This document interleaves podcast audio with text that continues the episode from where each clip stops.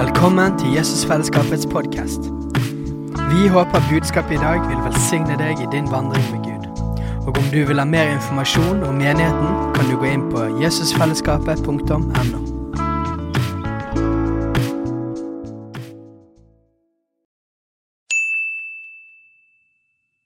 Hei!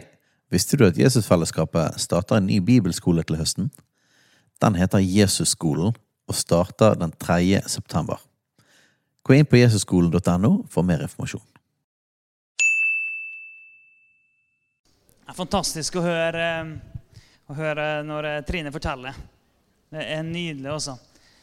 Eh, Jesus møter mennesker i dag, og han gjør det på veldig mange forskjellige måter. Um, ja, jeg kan bare kjapt si da, for dere som ikke kjenner meg, Nå vet dere at jeg heter Alf Kåre. At jeg, har, jeg har tre små barn. Jeg er gift med Ellen. Jeg pleier å si det at eh, jeg har tre barn og én kone. Jeg er åpen for flere barn. Jeg er ikke åpen for flere koner. Eh, Jeg er veldig fornøyd med, sånn, med tilstanden sånn som den er. Eh, Så får vi se hvor mange unger det blir etter hvert.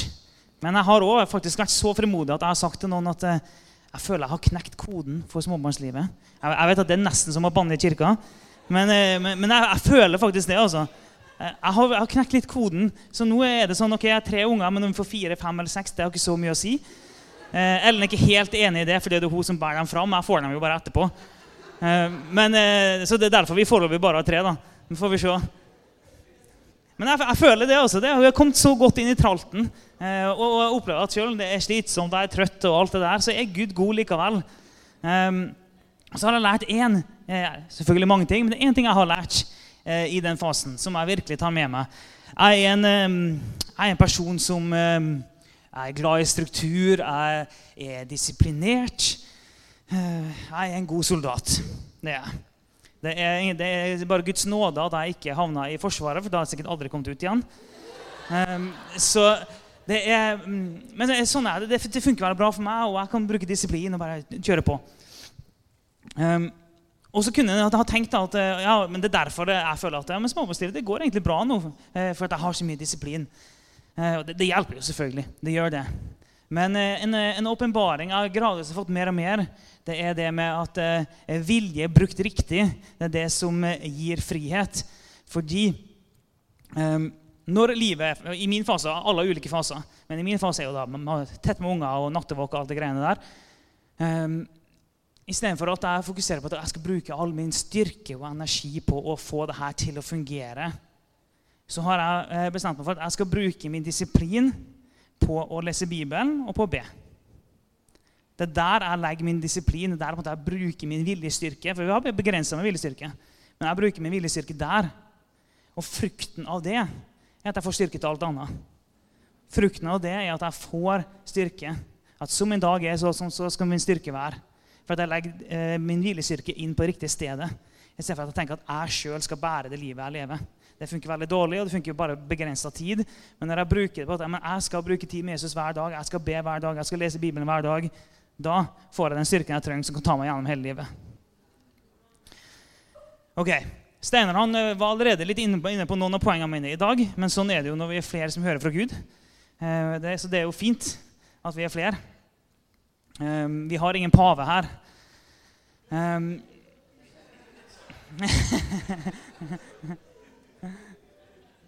på skjermen bak meg så står det 'familie på et oppdrag'. Fordi vi er en lokal menighet, ja. Men vi er òg mer enn en lokal menighet. Vi er en familie, ja. Men vi er òg en familie på et oppdrag. Og eh, vi har ikke nok med oss sjøl. Vi vil at andre òg skal bli en del av familien. Vi vil at andre mennesker skal bli frelst.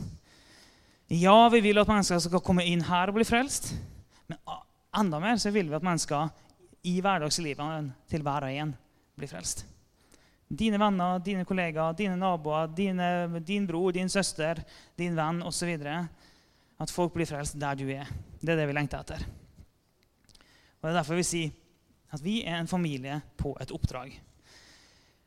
Så jeg skal snakke litt om, om det med å begynne å vende oss utover mot dem som er der ute.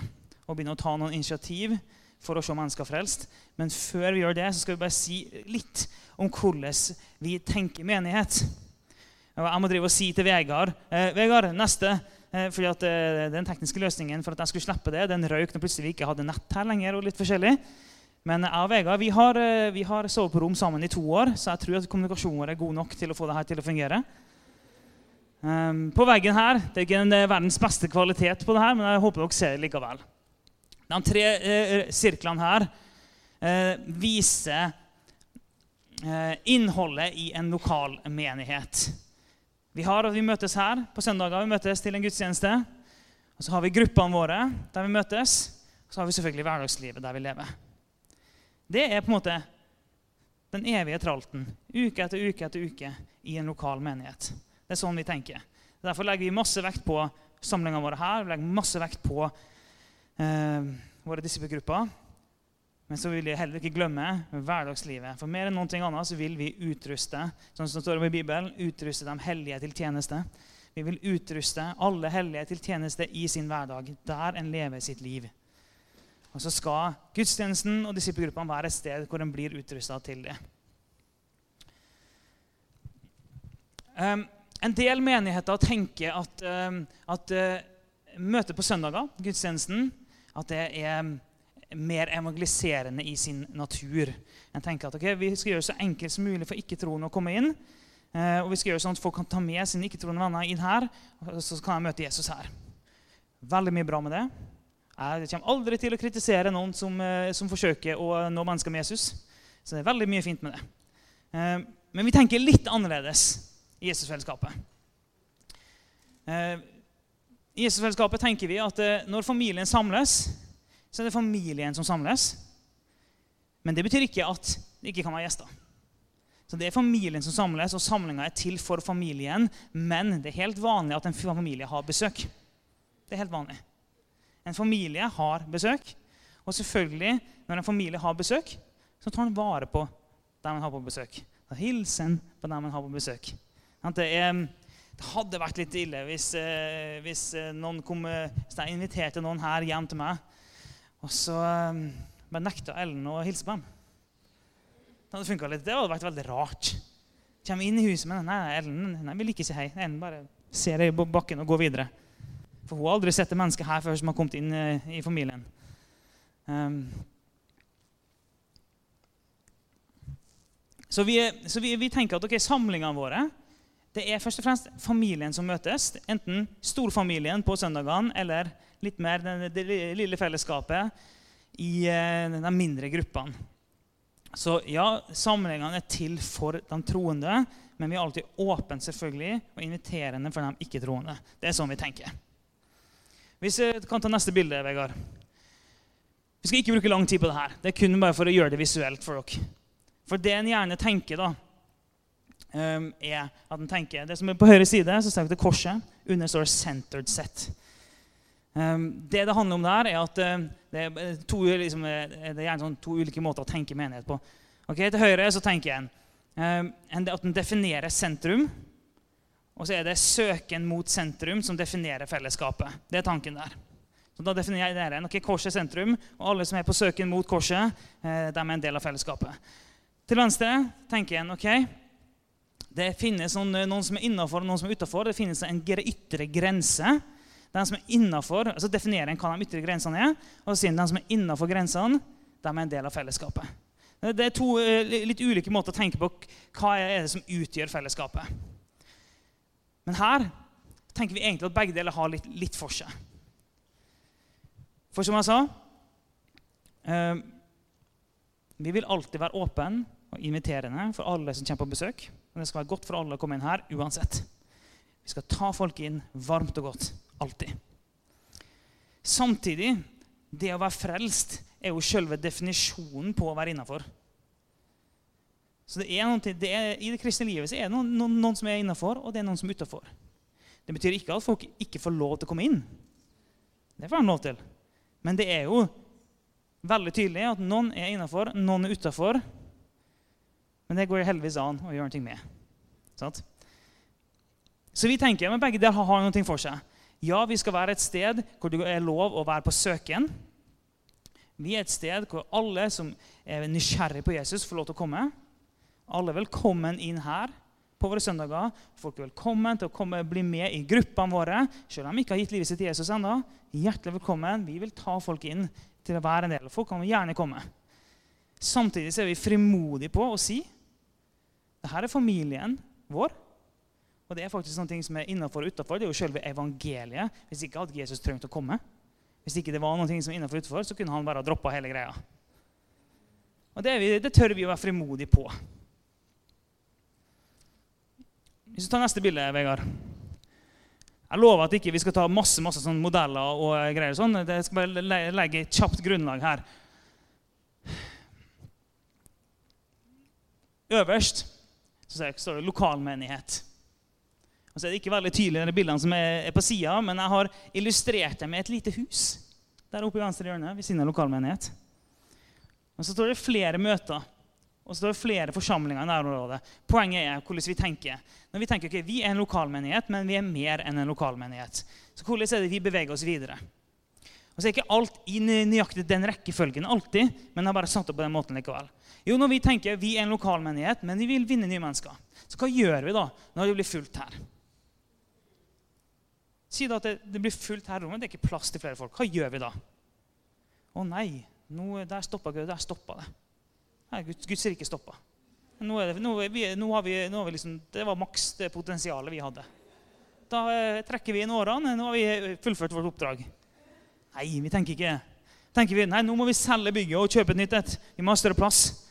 Nei, det tenker vi heller ikke. Jeg må faktisk si at jeg syns bygget her er helt perfekt. Um, for her inne kan vi ha den mengden vi er i dag, og det føles bra. Vi kan også øke det eh, litt til, det vil, og, og, men det vil være fullt av folk.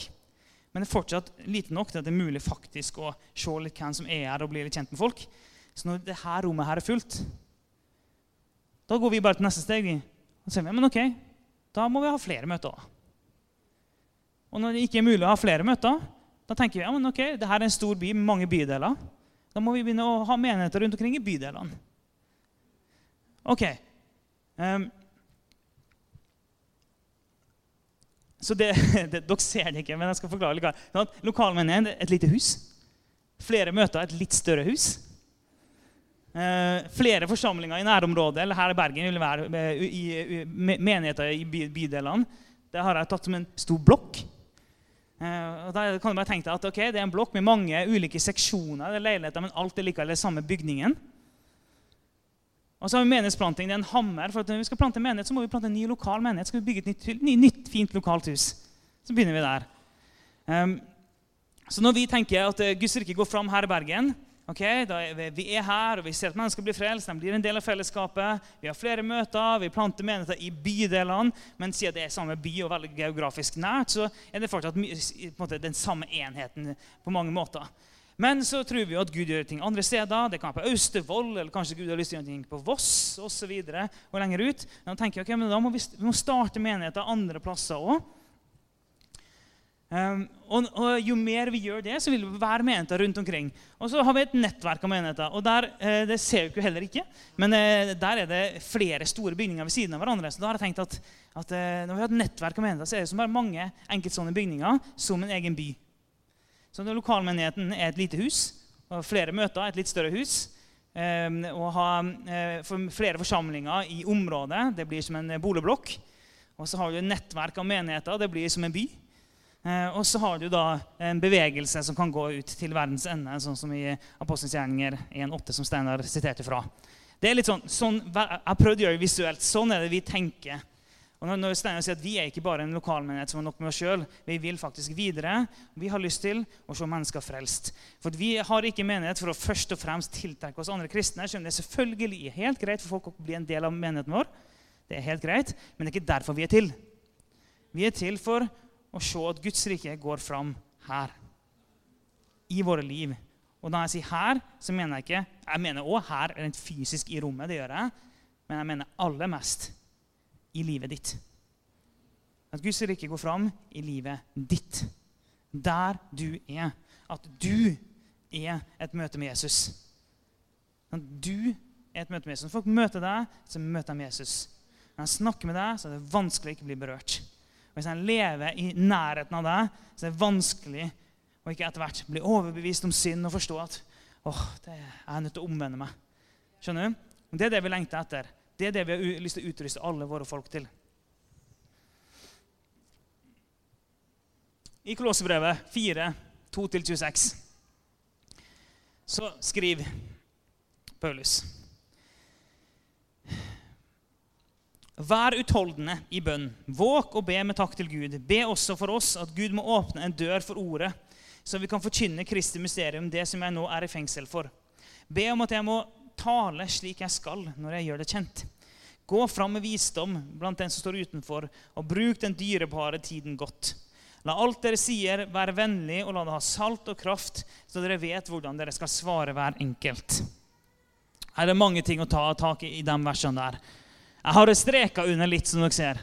Vær utholdende i bønn og våk å be med takk til Gud. Bønn og tilbedelse. Helt essensielt. Vi ber, og vi ber utholdende. Og vi, eh, hvis, dere, hvis dere ikke vet det, så har faktisk vi nøkkelen til gjennombrudd i alle situasjoner til enhver tid. Vi har faktisk lært nøkkelen. Jeg har fasitsvaret. Er det noen som vil vite det? Nøkkelen er bare, er bare å be til det bryter gjennom. Og så kan det ta eh, hundrevis av år, for alt jeg vet. Men det er nøkkelen. altså. Utholdende i bønn. Det fører alltid til gjennombrudd. Jeg tør ikke å si når det skjer, men jeg kan love at det skjer. Det kan vi være helt trygge på. Ok, Så vær utholden i bønn. Våg å be med takk til Gud. Ok, Det er helt essensielt. Vi ber, og vi tilber. Vi er utholden, og vi takker Gud. Det skal vi alltid gjøre. Alltid, alltid, alltid. Og så ber vi om at Gud må åpne en dør for ordet, så vi kan forkynne Kristi mysterium. Og Vi vil at han skal åpne en dør for ordet, sånn at når jeg snakker med naboen min, når jeg snakker med Erik, som han heter og Vi begge to er glad i fotball, og vi heier på det samme fotballaget, så det er veldig bra. Det, vi har en god connection. Men jeg ber om at når jeg snakker med han, så skal Gud åpne en dør for ordet i hans hjerte. Men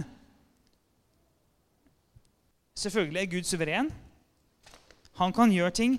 Men hvis Gud åpner den døra, men jeg ikke går inn, hva hjelper det da?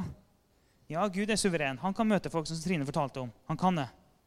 Men vi alle vet at det er ikke sånn det skjer flest ganger. Så hvis Gud åpner den døra i hjertet til noen, da må vi gå inn.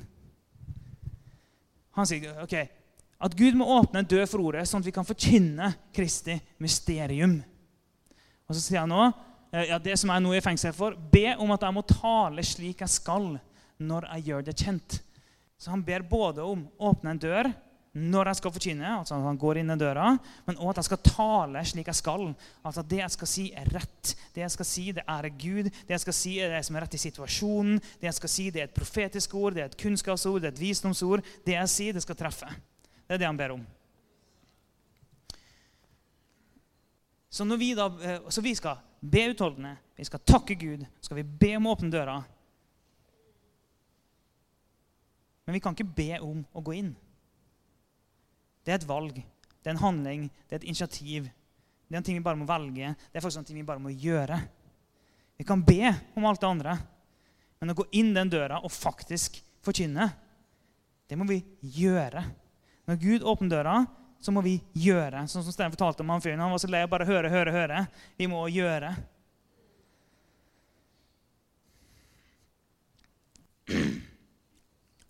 Som jeg sa, Gud kan møte mennesker helt suverent. Bare for å ta en historie i turbofart. Det er noe, en, en, del år siden. Men jeg hadde en venn som var nysgjerrig på Jesus. Han lurte litt på liksom, hva, hva er denne greia med Jesus. da? Og så fortalte jeg og søskenbarnet mitt, da, som var, vi, vi, var kompiser med han, vi fortalte han hva, hva Jesus-greia er for noe. Og så um, skjønte han jo etter hvert når vi fortalte han ting, at oi, hjelp, det her, det her får jo konsekvenser for livet mitt. For han hadde en kjæreste. Og så sa han ja, betyr det at jeg må slutte å ha sex med kjæresten min. Og så sa vi ja, det gjør det. Altså Hvis du har tenkt å, å, gi livet til Jesus, så får det visse konsekvenser. og da, da, må du faktisk vente med det til du gifter deg. Og da sa han nei, det, det kan jeg ikke gjøre. Da, nei, da, da får det bare være. Og så sa vi OK. Så da fortsatte vi å be for han. Og tenkte at, Men vi kan ikke gå, si nei, bare kjør på og lev i synd. Vi kan ikke si det. Det er jo ikke evangeliet. Så vi holdt fast ved det. Og så skulle han eh, komme og eh, overnatte Jeg bodde med søskenbarnet mitt på denne tida. her. Skulle han komme og overnatte med oss, så han skulle bare hjem og hente litt greier. og sånn. Så da husker jeg at jeg satt på rommet mitt og gjorde noen ting. Og så sitter jeg der, og så plutselig så bare hører jeg at døra til, leiligheten vår går opp med et brak. Og sånn, bang, går døra opp. Sånn, det var tydelig at her var det en person som kom i full fart inn i leiligheten. Men jeg sitter der fortsatt, og så hører jeg plutselig at søskenbarnet mitt han sier bare sånn Alf? Så kommer jeg ut i stua, og der sitter kompisen vår i sofaen og så bare sitter han og griner. Griner, grin og grin og grin. Så jeg bare sånn, ok, hva er greia her? Prøver å spørre deg, men hva, har skjedd? Og så klarer han ikke å sette ord på det. Han, ikke, han finner ikke ordene for å beskrive hva som har skjedd. Så, sånn, ok, da, så sa vi bare til ham vi, vi går og lager noe kveldsmat. Eh, rop på oss når du er klar. Han fikk det bare, det var ingen, han hadde ikke sjans. Så vi begynner å lage litt kveldsmat, så går det litt tid, og så eh, roper han på oss. da. Så går vi tilbake i stua. Og når vi går inn, det første han spør om, det er Går det an å se Gud? Det første han spør når vi går inn. Så jeg bare sånn OK. Altså, litt, eh, litt sånn haltende, da, for jeg, jeg visste ikke hva som hadde skjedd. Så bare prøvde jeg meg da på sånn eh, Ja, altså eh, Moses han så nå ryggen til Gud en gang. Sant? Helt tull. Men, eh, så jeg prøvde meg på å liksom begynne å forklare. da. Eh, det, det, det, vet ikke om han hørte meg engang. Um, og så begynte han å fortelle. da. Så forteller han at han gikk hjem, pakka noen greier i sekken sin, og så uh, satt han på, satt på sengekanten sin. Så skulle han bare liksom legge seg bak på senga da, bare liksom ta en liten hvil før han uh, gikk ned igjen. Så forteller han at uh, idet han legger, legger, seg bak og legger seg på senga, så liksom, i det han legger seg på senga, så bare på et øyeblikk så sitter han plutselig på sengekanten. Og foran han står det en person i, i hvitt og så sa han at det, det, er det sterkeste lyset jeg noen gang har sett. sa han. Og så sa han at denne personen sa til meg, 'Jeg er din vei. Jeg er din sanne vei.' Og så tok personen handa på hodet mitt, og så smilte han til meg. Og så, så lå han på, en måte på senga igjen. Og da bare røska han med seg sekken, og så sprang han ned til oss. um, Og Han ga livet sitt til Jesus den kvelden. Det gjorde han. Det var ikke så veldig vanskelig. Og Poenget mitt er Gud kan gjøre ting helt suverent. Han kan det. Det skal vi alltid være åpne for. Vi skal alltid ha en forventning om det. Vi skal være frimodige til å be om det. Alt det skal vi. Så jeg sier ingenting imot det. Men vi kommer aldri unna at likevel så må vi gjøre noen ting hvis vi vil se en forandring i våre liv. Ja, Vi kan be om at Gud skal gjøre det for oss, men det er ikke sånn det funker som regel. Vi må tørre å gå inn den døra når den åpner seg. Paulus sier, 'Gå fram med visdom blant den som står utenfor'. Jeg sier noe utenfor, apropos det jeg sa i stad. Det finnes noen ting som er innenfor og utenfor. Gå fram med visdom med den som står utenfor, og bruk den dyreparet til tida godt. La alt dere sier, være vennlig, og la det ha salt og kraft så dere vet hvordan dere skal svare hver enkelt. Ok, Dere må vite hvordan dere skal svare hver enkelt.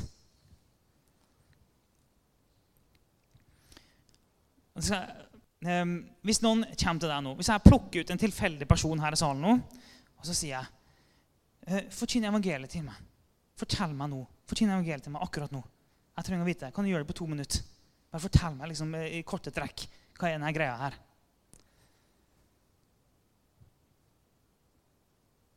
Erfaringen er at hvis vi gjør det, så blir det veldig sånn eh, Ja, eh, Jesus elsker deg. Eh, han, han, eh, Gud han er din pappa, og han, eh, han, elsker deg så høyt at han sendte sin sønn for å dø.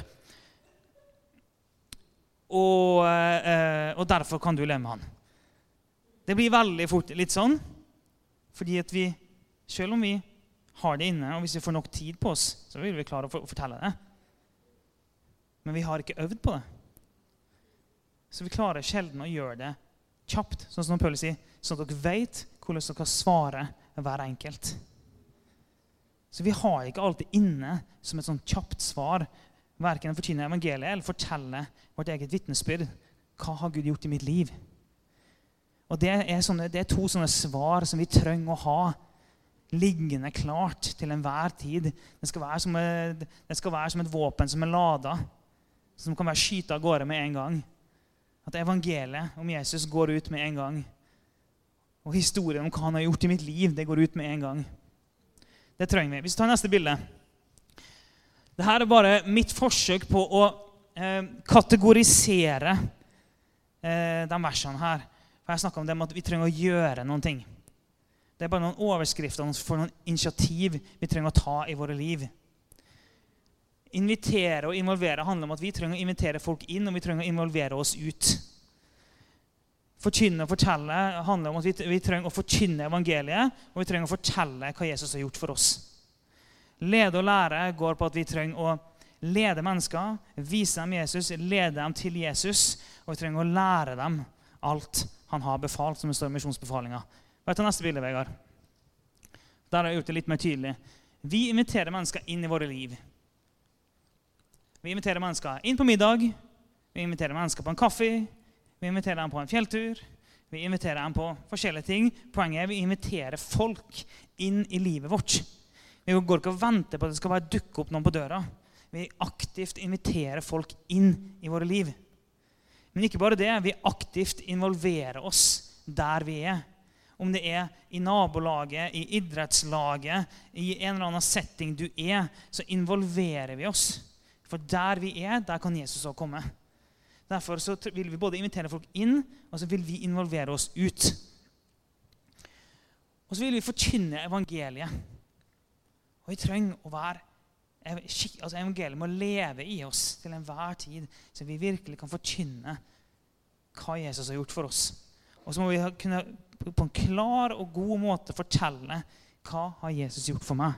For evangeliet det er den objektive sannheten. Det er en sannhet som aldri vil forandre seg. Den er sann til evig tid, uansett om folk tror på det eller ikke. Evangeliet er sant. Så det, Da forkynner vi bare den objektive sannheten. Mens vitnesbyrdet vårt det er vår opplevelse av den objektive sannheten. Vitnesbyrdet vårt er bare sånn ok, Nå har jeg fortalt deg hva som er sannheten i universet. Og nå skal jeg også fortelle deg hva det har gjort i mitt liv. Begge deler trenger vi å kunne gjøre. Og så leder det at vi, vi trenger rett og Det skal vi snakke om seinere. Um, men um, altså, videre framover i IFO. Men vi trenger å lære oss Arne Skagen han har begynt å, han, han, lærer oss mer og mer om det her. Han, uh, men vi trenger å lære oss bare sånn konkret. Hvordan leder vi mennesker til Jesus? Hvordan hjelper jeg dem over kneika? sånn Ikke bare blir at folk, oi, folk opplevde faktisk å bli helbreda, men det skjedde ikke noe mer. De tok ingen steg. Vi vet ikke hva vi skal gjøre nå. Oi, folk ble helbreda. Nå vet jeg ikke lenger hva jeg skal gjøre med det. Sånn, vi må lære oss å lede folk hele veien til Jesus. Og vi må lede dem som disipler. Og så må vi lære dem grunnvollen. Hva det vil si å være en kristen. Hva sier Guds ord?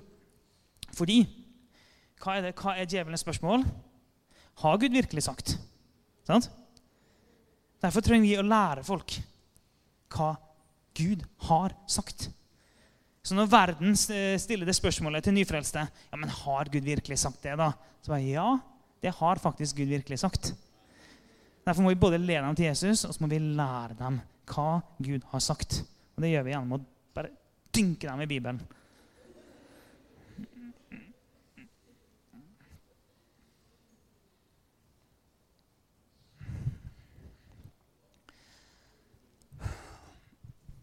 Bare følg med på klokka her. Ok, eh, Du kan ta neste. nå. Jeg sa at vi er, vi, er vi er, en familie på et oppdrag. En eh, familie tar vare på hverandre en familie bidrar inn i fellesskapet, og en familie tar imot nye. Alt dette gjør en familie.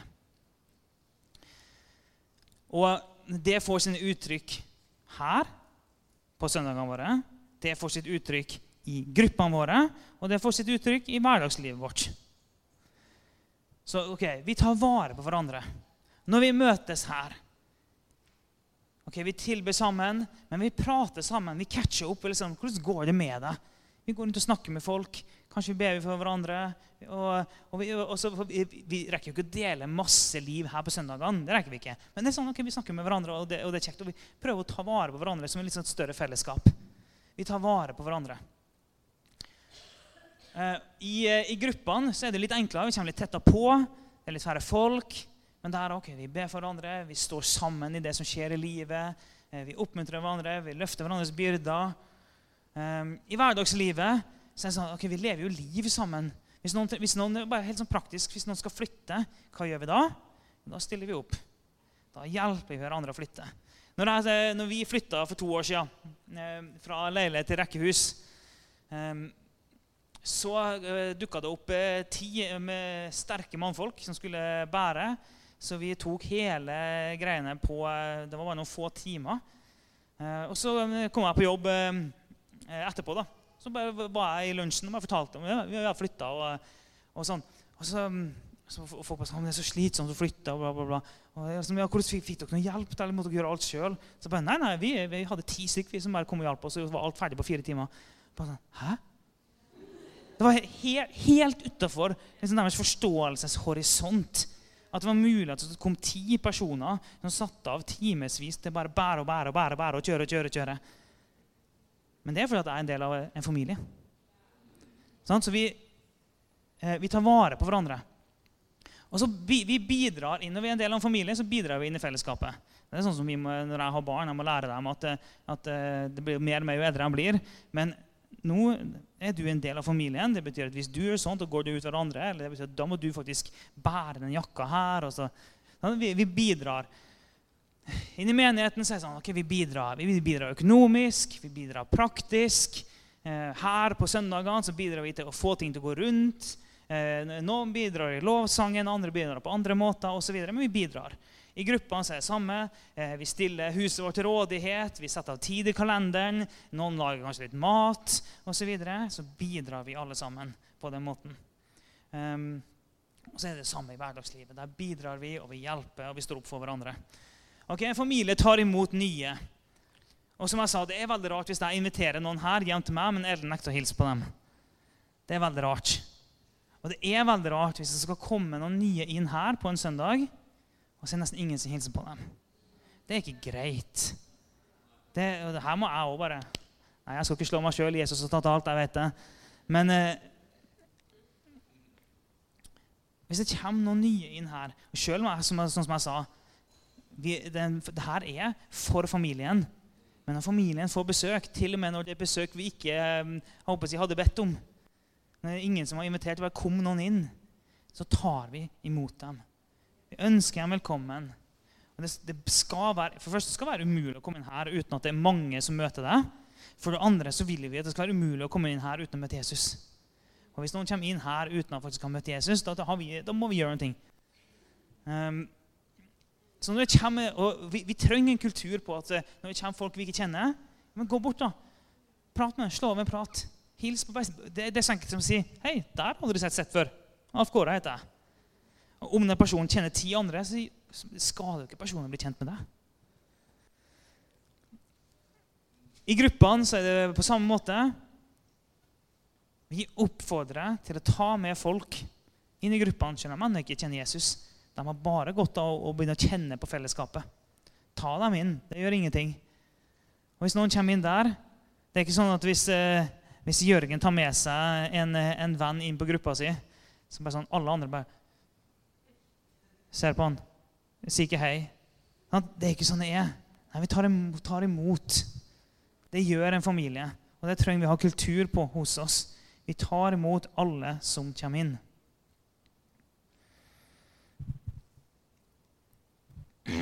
Ok. I Kolossebrevet, det Paulus sa, så sa det at okay, vi ber om at døra skal åpne seg. Men når døra åpner seg, hva gjør vi da? Da må vi forkynne evangeliet. Men, og vi må kunne svare hver enkelt, som han sier. Men da, da, trenger vi faktisk å øve på det. Så hvis du tar neste bilde, Vegard Det her er en, en um, framstilling av evangeliet i seks deler. Jeg har lagt på en del, Steinar. Jeg har lagt til, evangeliet, ja. ja.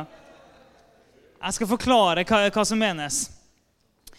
Fordi, nettopp fordi at eh, når vi blir bedt om å forkynne evangeliet, så er det veldig lett for at vi forkynner det samme om og om igjen. Og så er det, og så er det ting som aldri blir forkynt. Det bare sånn, ja, Jesus elsker deg så, så, mye. Helt enormt hvor mye han elsker deg. Ja, han, han, han elsker deg så mye at han var villig til å dø. Men han forstår ikke i hele tatt hvorfor han måtte dø. Sånn at Vi trenger å forkynne hele evangeliet. Og disse seks punktene her er ment for å hjelpe oss til at vi sikrer oss at vi faktisk forkynner hele evangeliet hver gang til alle vi forkynner det til. Øverst så står det 'start'. Bare Sånn, vi kan starte med Edens hage om vi vil. Må ikke, må ikke snakke med Edens hage hver gang, men vi kan starte allerede. Start med skapelsen. Gud skapte oss sånn. Synd. Forklarer at synd kom inn i verden, og hva skjedde da? Og resultatet av synd? Jo, det er straff. Når vi forkynner evangeliet, så må vi forkynne behovet for frelse. Det hjelper ikke å forkynne evangeliet hvis ikke folk skjønner at de trenger det. Sant? Så vi er nødt til å forkynne det her helt ut. Ok, Så må vi forkynne det sendt. Okay, når, at når vi alle fortjente straff, ja, hva var greia da? Jo, men Da sendte Gud Jesus. Han sendte han til oss for å dø på korset og ta den straffen. Og Hvordan kan vi få ta del i det? Vi må snu om, vi må vende om. Vi må gi vårt liv til Han, og vi må bli døpt i vann og døpt Den hellige ånd. Og hva er resultatet av det? Jo, resultatet av det er at vi er sammen i evighet med Han i dag og til evig tid. Og, det, det, og da blir det så mye enklere. Og hvis jeg nå, da ok, Hvis jeg står med en person Fortell meg det, her, det greiene du tror på. Ja, ok, Jeg skal fortelle deg veldig kort. Og kan jeg tenke i hodet mitt ok, uh, starten. starten. Jo, uh, Gud, jeg tror at Gud skapte oss. Og Gud han skapte noen rammer for oss um, som vi skulle leve innafor. Og vi levde sammen med Han. Um, men mennesket valgte å gå ut av de rammene, valgte å gjøre opprør mot Gud. Ok, Da, da vet jeg. Nå har jeg, nå har jeg eh, sagt noe om starten. Ok, Jeg har begynt på å si noe om synd. Ja, Mennesket valgte å ville heller leve for seg sjøl istedenfor innenfor de rammene som Gud hadde skapt for et godt liv for mennesket. Så mennesket gikk ut av det. Og uh, Istedenfor å ha, Jesus, ha, Gud som herre i sitt liv, så valgte mennesket å ha, være herre i eget liv sjøl. Okay, da vet jeg, da har jeg fått sagt noe om, om, uh, om synd. Så det, det når, når, når mennesket valgte å være herre i eget liv framfor å la han være herre, så ble vi skilt fra han. Ok, uh, og det i dag så kan jeg for si, i dag så er det jo sånn at um, hvis noen bryter loven, så får de en bot, eller kanskje de blir satt i fengsel. Er, mm, så alle lovbrudd må ha en straff i dag. Det kjenner alle til. Det er det enkelt språk å forstå. For at det skal skje rettferdige ting må gjøres opp for. Det må skje en gjenopprettelse. Og så tenker en at det skjer gjennom at eh, urett blir straffa. Og litt sånn på samme måte er det for oss òg, kan jeg prøve å fortelle. Eh, at eh, Pga. den synden og det at den første synden har også gjort at vi synder hele tida i dag. Jeg gjør masse galt, du gjør masse galt. Det må gjøres opp for. Ok, Men jeg klarer ikke å gjøre opp for den synden. Jeg er faktisk fortapt. Det, det, den gjelden jeg har pådratt meg, er for stor. Jeg kan ikke gjøre noe med det. Jeg er faktisk stuck og fortapt. Så egentlig så er mitt liv over. Men på tross av alt det her, på tross av at mennesket gikk vekk fra Gud, så elsker han oss så høyt at han var villig til å sende sin sønn for å ta den straffen som jeg fortjente. Jesus tok det jeg fortjente, sånn at jeg kunne få det han fortjente. Det gjorde Jesus for meg. Ok, Da har jeg fått sagt noe om sendt og hans kjærlighet. Men ok, snu omvendelse. Vi må ha omvendelse med. Ok, Da kan jeg si noe sånt som at um, Og for å ta del i den gaven som Jesus gir Hvis du vil ha det livet som han tilbyr, da må du faktisk gi livet ditt til han, sånn som han gir livet, ditt, gir livet sitt til deg. Du må være villig til å legge det ned. Og sånt, det er det som skjer i dåpen. Da begraver vi det gamle livet, står opp til det nye. Um, ok, Da vet jeg at da har jeg sagt noe om omvendelse og viktigheten av å gi livet sitt til Gud. Og Resultatet av alt det er at, at, du kan gå inn i en relasjon sammen med han i dag. Du kan leve med han resten av livet og inn i evigheten. Og Hvis jeg husker på de seks punktene, så er jeg helt sikker på at da har jeg forkynt evangeliet. Jeg har ikke bare forkynt en eller annen fin historie som jeg tror litt på. Og det er viktig. Og Paulus sier det, at vi må kunne svare hver enkelt som spør. Og når Gud åpner en dør, så må vi forkynne faktisk evangeliet om Jesus. Ikke bare evangeliet jeg tror på. Så det her er bare som en hjelp til å huske på de punktene. Jeg tok faktisk og, og skrev ut de punktene i 60 ark, som jeg kommer til å legge på kanten her på, med dåpsbassenget. Så hvis du har lyst på de punktene og et par punkter om det med å fortelle vitnesbyrdet ditt, som en sånn huskelapp, så kan du bare gå fram her etterpå og bare ta med deg et ark. Det ligger 60 eksemplarer der. Um, så hvis du har lyst til å uh, ta det med deg Så um, Bare ta neste, Vegard. Min oppfordring til alle her inne er at det er nye uker som ligger foran oss. Kan vi invitere noen inn i livet vårt? Hvis du tenker noe, er det noen som du kan invitere inn i ditt liv? Noen du kjenner på er åpen for han? Er det noen du tror Gud har begynt å åpne en dør i hjertet hos? Inviter den personen inn, eller så kan du involvere deg i den personen sitt liv. Ved at du oppsøker den personen, eller du oppsøker hvilket sted den personen er. Ta et valg, ta et initiativ, begynn å få den kontakten med noen. Og Ta med deg et ark om du vil det, eller gjør det på andre måter. Men ta faktisk og øv på forkynne evangeliet. Sånn at du slipper å være usikker når du plutselig er i en dyp samtale med en person. Og du kan være helt sikker på at du faktisk forkynner alle bestanddelene som må være med. Og øv òg på å fortelle hva evangeliet betyr for deg, hva det har gjort for deg, hvordan har det forandret livet ditt. Hva skjedde når du ga livet ditt til han, og du, du fikk del i det livet han ga deg? Hva skjedde med deg da? Og Hvis du øver du må faktisk øve på det. Hvis du øver på det, og det setter seg hos deg, da kan du til enhver tid være klar. Så kan du gå inn i enhver dør som åpner seg. Og når vi ber for våre venner, og vi bygger relasjon med dem Og når Gud åpner en dør, da går vi inn. Og da er vi klar.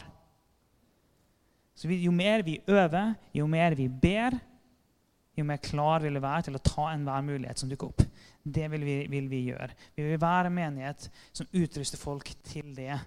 Sånn at eh, når vi vokser ja, Det er fint at det, kommer andre folk som kjenner Jesus, og det er fint med naturlig kirkevekst og masse barn. Alt er bare bra.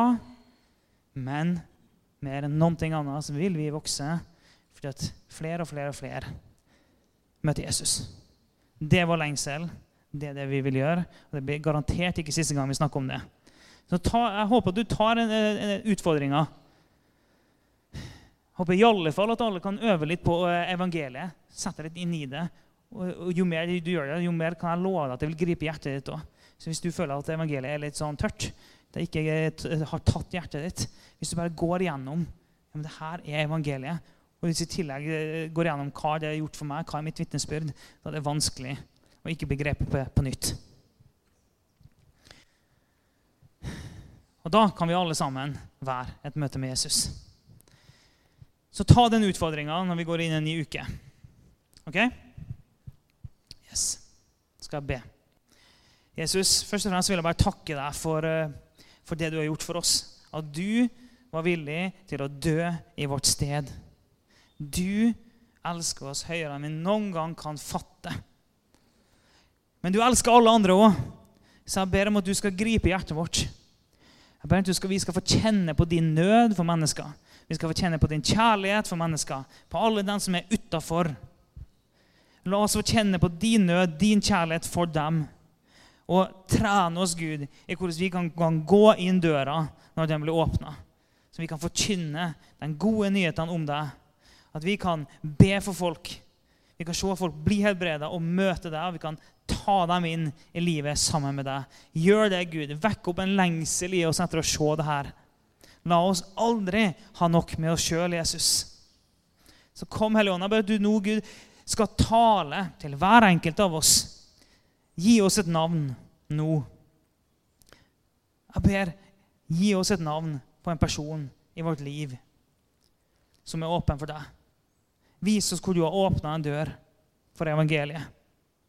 Jeg ber om at hver eneste person nå skal få et navn, skal se for seg hvem i sitt liv som nå er klar, som er åpen. Det ber vi om i Jesu navn. Så ber vi om mot til å gå, til å handle, til å ta initiativ og til å gå inn den døra. Amen. Hei, alle sammen. Det er Katrine og Steinar Lofnes her. Vi er hovedledere for Jesusfellesskapet. Så kjekt du har lyttet til denne podkasten. Har du forresten hørt noen av de andre podkastene våre? Ukens tale, Disippelskolen, Hyrdepodden, Kulturkrigen og Mammas hjerte. Du finner disse podkastene på Spotify, Apple Podkaster og på nettsiden vår jesusfellesskapet.no.